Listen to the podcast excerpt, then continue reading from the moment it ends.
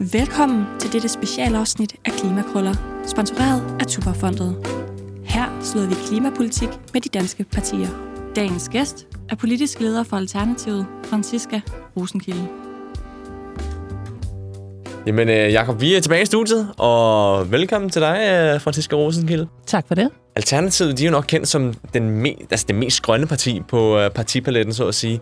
Hvad er de vigtigste, hvad skal man sige, pointer i jeres klimaplan? Jamen, jeg tror, noget af det, som øh, Alternativet var rigtig gode til tilbage i 2015, det var virkelig at få klimaet højt på den politiske dagsorden. Øh, I en tid, hvor det faktisk ikke fyldte særlig meget, og skabte et håb omkring, at man kunne politik på en anden måde. Øh, og da endelig klimaloven blev, øh, blev vedtaget med sin 70% reduktion, så var det jo noget, vi stod alene med i starten, som blev grint af, og så øh, endelig var der, var der bred politisk opbakning. Så de sidste tre år er så desværre gået med, at, øh, at der er blevet lavet en masse aftaler, der ligesom skulle øh, løfte denne her 70% reduktion, som bare ikke har været ambitiøse nok. Øh, så Alternativet har, øh, har skulle bruge meget energi på at, øh, at vise, hvor uambitiøse de andre var. Øh, og har så her øh, især det sidste år været, øh, været mere fokuseret på det, vi gerne vil. Og på nuværende tidspunkt, så er det helt klart landbrugspolitikken, som, som fylder rigtig meget i vores øh, klimapolitik. Øhm, og det er også fordi, at landbruget kan øh, det, som vi er optaget af, altså øh, binde kriserne sammen.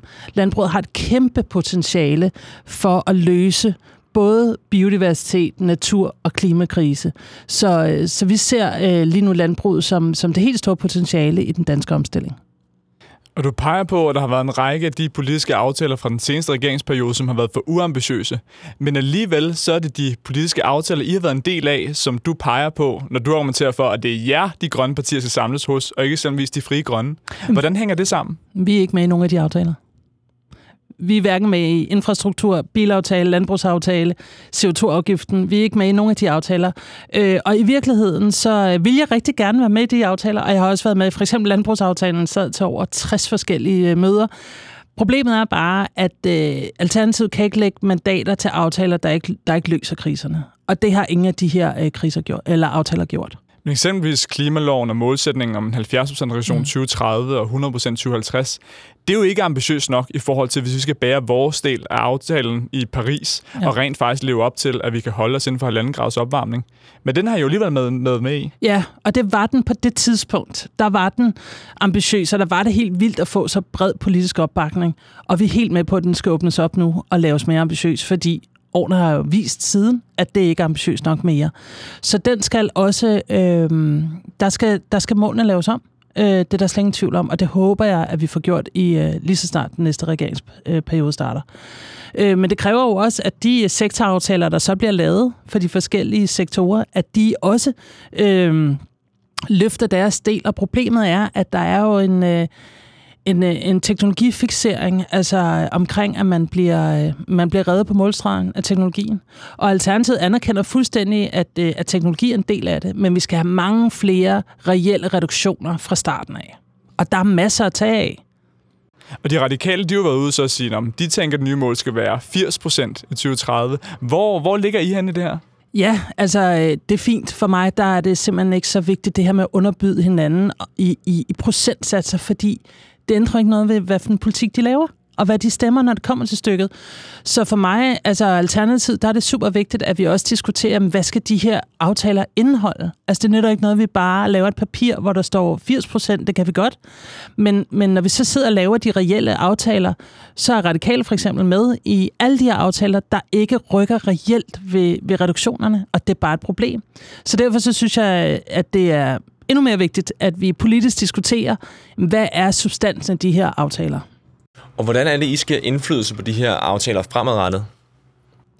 Jamen altså, vi gør det jo på den måde, vi bliver ved med at skabe så meget debat om det som muligt, øh, og også deltage i, øh, i forhandlingerne så langt som muligt, og virkelig prøve at presse øh, de andre grønnere. Øh, og det synes jeg også, vi har haft held med tidligere. Øh, vi er jo ikke bange for at komme med forslag, som virker virkelig radikale, og også tit er blevet grint af, fordi man havde det sådan, prøv, det kan jeg ikke lade sig gøre men, øh, men har været rigtig gode til også at mobilisere den offentlige debat. Og, øh, og det der bare er, det er, det er jo altid folket, der ændrer verden. Det er jo ikke politikerne. Og det vil sige, lige så snart, at der kommer en, en folkelig mobilisering, så kommer politikerne også.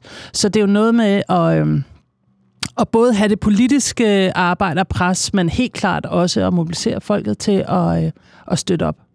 Og det var jer, der gik forrest dengang i 2015 i forhold til virkelig at få presset på med den grønne dagsorden. I kom med ret øh, ambitiøse eller vidtgående, altså når man ser forslag, eksempelvis i forhold til borgerløn og sådan noget. Mm. Hvor, øh, hvad er, har I ambitiøse, progressive, voldsomme forslag i dag, som I ligesom skal kendes for? Jamen, øh, vi foreslår dem hele tiden. Det, der er med alternativspolitik, det er, at øh, efter lidt tid, så tager de andre partier det. Og det, øh, det, det synes jeg jo sådan set er fint nok, fordi bare det, det bliver lavet godt. Altså, enhedslisten har lige været ude med en 50% reduktion af den animalske produktion. Det er vi jo rigtig glade for. Det præsenterede vi allerede for et år siden. Da der var landbrugsforhandlinger, der bakkede de ikke op. Det gør de nu. Det er jo fedt. Øhm, så på den måde har vi hele tiden øh, noget. Altså jeg vil sige, omkring det her med landbrug, der er vi ude med en plan omkring at lave det danske landbrug om til 100% regenerativt landbrug. Og det er jo sådan lidt ny... Øh, koncept, landbrugskoncept, som måske ikke er så udbredt nu, men der er faktisk allerede en del gårde i Danmark, der praktiserer det her. Og vi vil rigtig gerne støtte op om om de mindre øh, gårde, som, som har det her, hvor man simpelthen opbygger jorden i stedet for at udpine den, og man kun har den animalske produktion, som man egentlig selv spiser, og så indgår dyrene langt mere i et økologisk system efter deres eget øh, naturlige instinkter. Ud af buerne med dem. Og så skal vi bare producere mindre og anderledes. Noget af grunden til, at I har haft svært ved at komme ud med jeres budskaber i samme grad som tidligere, det har jo været, at der har været lidt palaver i forhold til, når så blev du formand, så var den anden, der blev formand, så blev du formand, og så var der nogen, der skiftede det ene her, så skiftede det tilbage igen. Det er heldigvis lidt bag jer nu. Det er ret rart for jer i forhold til valget, tænker jeg. Klar. Men hvem er Alternativet så i dag? Hvor mange medlemmer er I i forhold til tidligere? Hvem har jeg personer, der stiller op til valg og sådan? Det tror jeg ikke, der er så mange, der er klar over. Nej, altså det er klart, vi har brugt, øh, siden jeg blev politisk leder for halvandet år siden, har vi brugt ret meget tid på at stabilisere organisationen. Og vi står faktisk et rigtig, rigtig godt sted nu, øh, indad til i forhold til at gå til valg, hvilket jo er dejligt for os. øh, men det gør selvfølgelig også, at fokus måske har været lidt på det.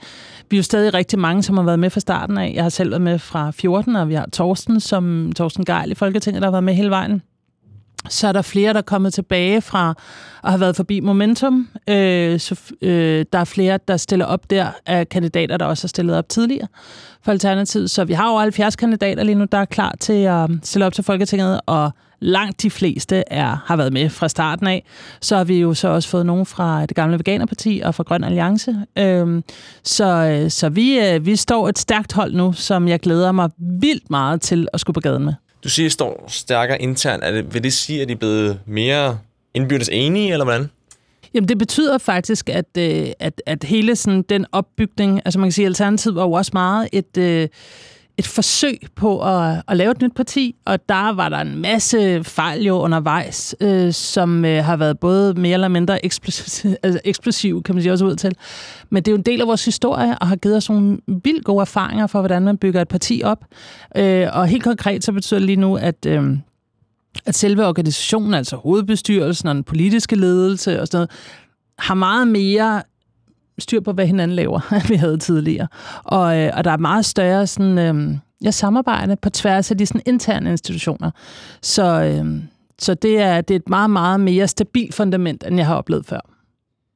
Og med de nye partier, I lukkede ind, det var jo Veganerpartiet og de grønne, som blev slået sammen til Grøn Alliance. Så kom Grøn Alliance ind hos jer, hos Alternativet, men både lederen af Veganerpartiet kom ikke med, i hvert fald ikke som kandidat, og det gjorde lederen af De Grønne heller ikke. Hvem er det, der er kommet med i jeres parti? Jamen, det er jo hele Grøn Alliances bagland, kan man sige, og bestyrelse og sådan noget. Altså, Veganerpartiet har jo også selv været igennem en udvikling. Og da de ligesom havde et opgør tilbage i januar, tror jeg, der var, der var der rigtig mange af det dengang Veganerpartiet, der meldte sig ind i Alternativet. Blandt andet også deres tidligere leder på det tidspunkt, Michael Monberg, som også stiller op som kandidat for Alternativet på øh, Storkreds Sjælland.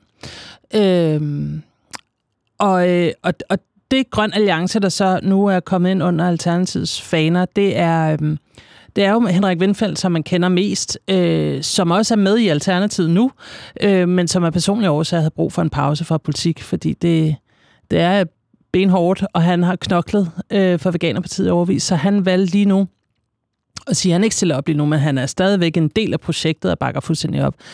De Grønne var måske et mere socialliberalistisk eller liberalt projekt, øh, og kunne måske ikke, altså der var et par af deres kandidater, der ikke kunne se sig selv i Alternativets projekt, men bakkede fuldstændig op om sammenlægningen. Så det har været, øh, det har været lidt af et kludetæppe, øh, men i virkeligheden så er det jo øh, nogle alle sammen sindssygt engagerede, idealistiske mennesker, der virkelig kæmper for den grønne omstilling. Og så kan man sige, at det, at vi har klimakrisen og den grønne omstilling som vores fællesnævner, altså det burde vi jo have med alle Folketingets partier, dybest set, ikke? Men det har vi så her i de her små partier valgt, at det er vigtigere end, end de ting, der måske skiller sig ad, og derfor lavet den sammenlægning. Nu snakker Jacob om, at øh, fire blev til tre, og tre blev til to.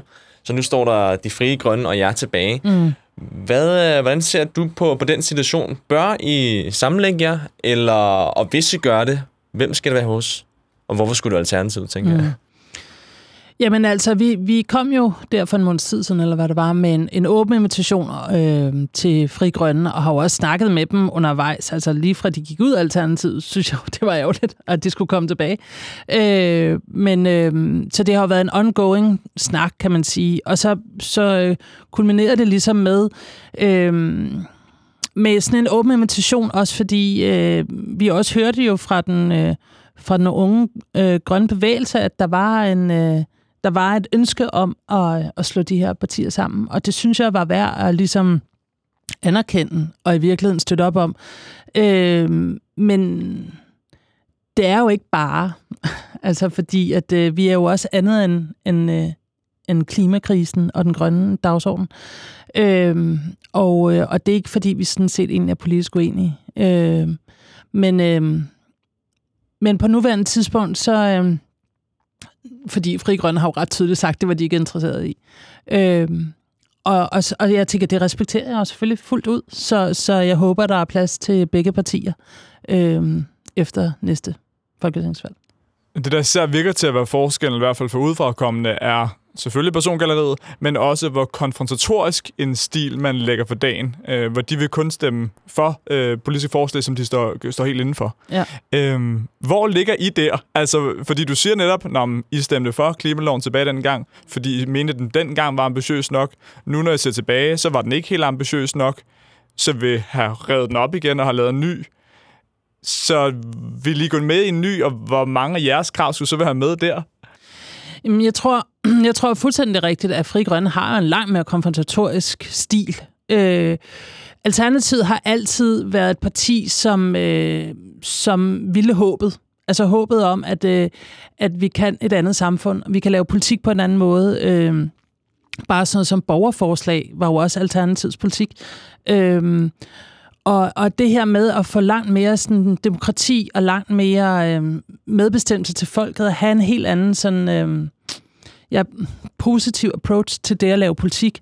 Øh, og jeg er fuldstændig med på det her med, at, øh, at vi skal have ambitiøs klimahandling. Øh, men det her med at være kompromilløs, altså politik er jo et samarbejde dybest set. Øh, så, så jeg har ikke lyst til at være egentlig kompromilløs, men jeg har lyst til at være øh, ambitiøs på at finde løsninger på problemerne.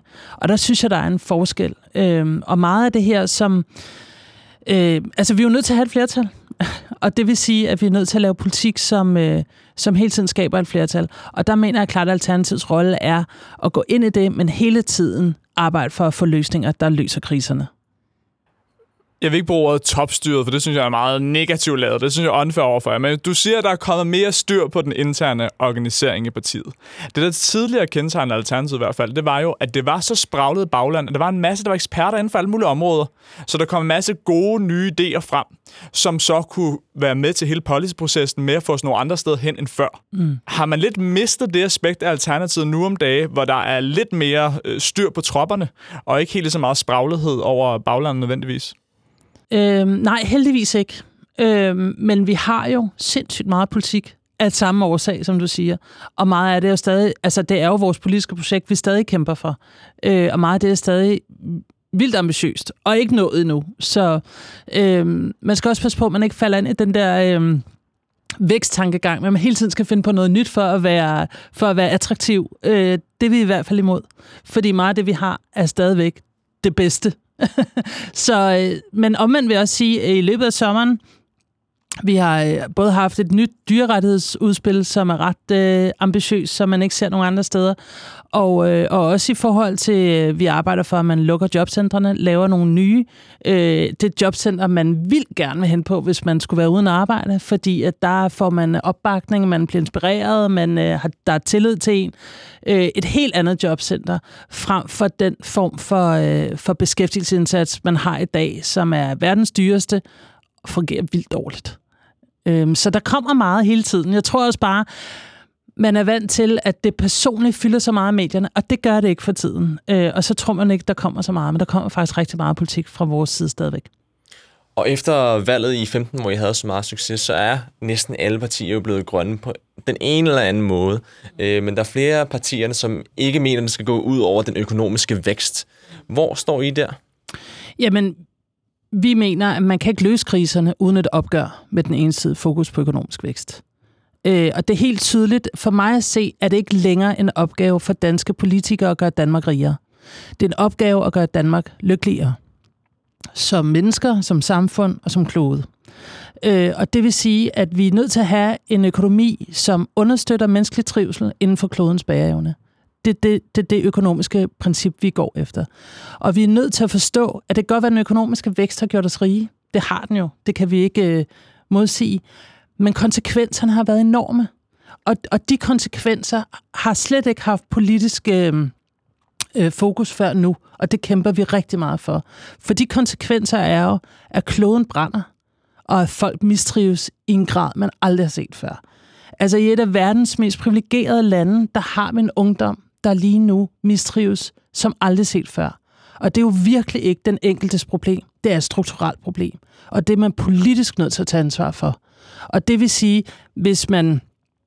Altså, vi er nødt til at have et opgør med BNP, vi er nødt til at have et opgør med økonomisk vækst, som værende det, man stræber efter, fordi konsekvenserne er for store. Vi skal have et botaren med bruttonational lykke. Yes.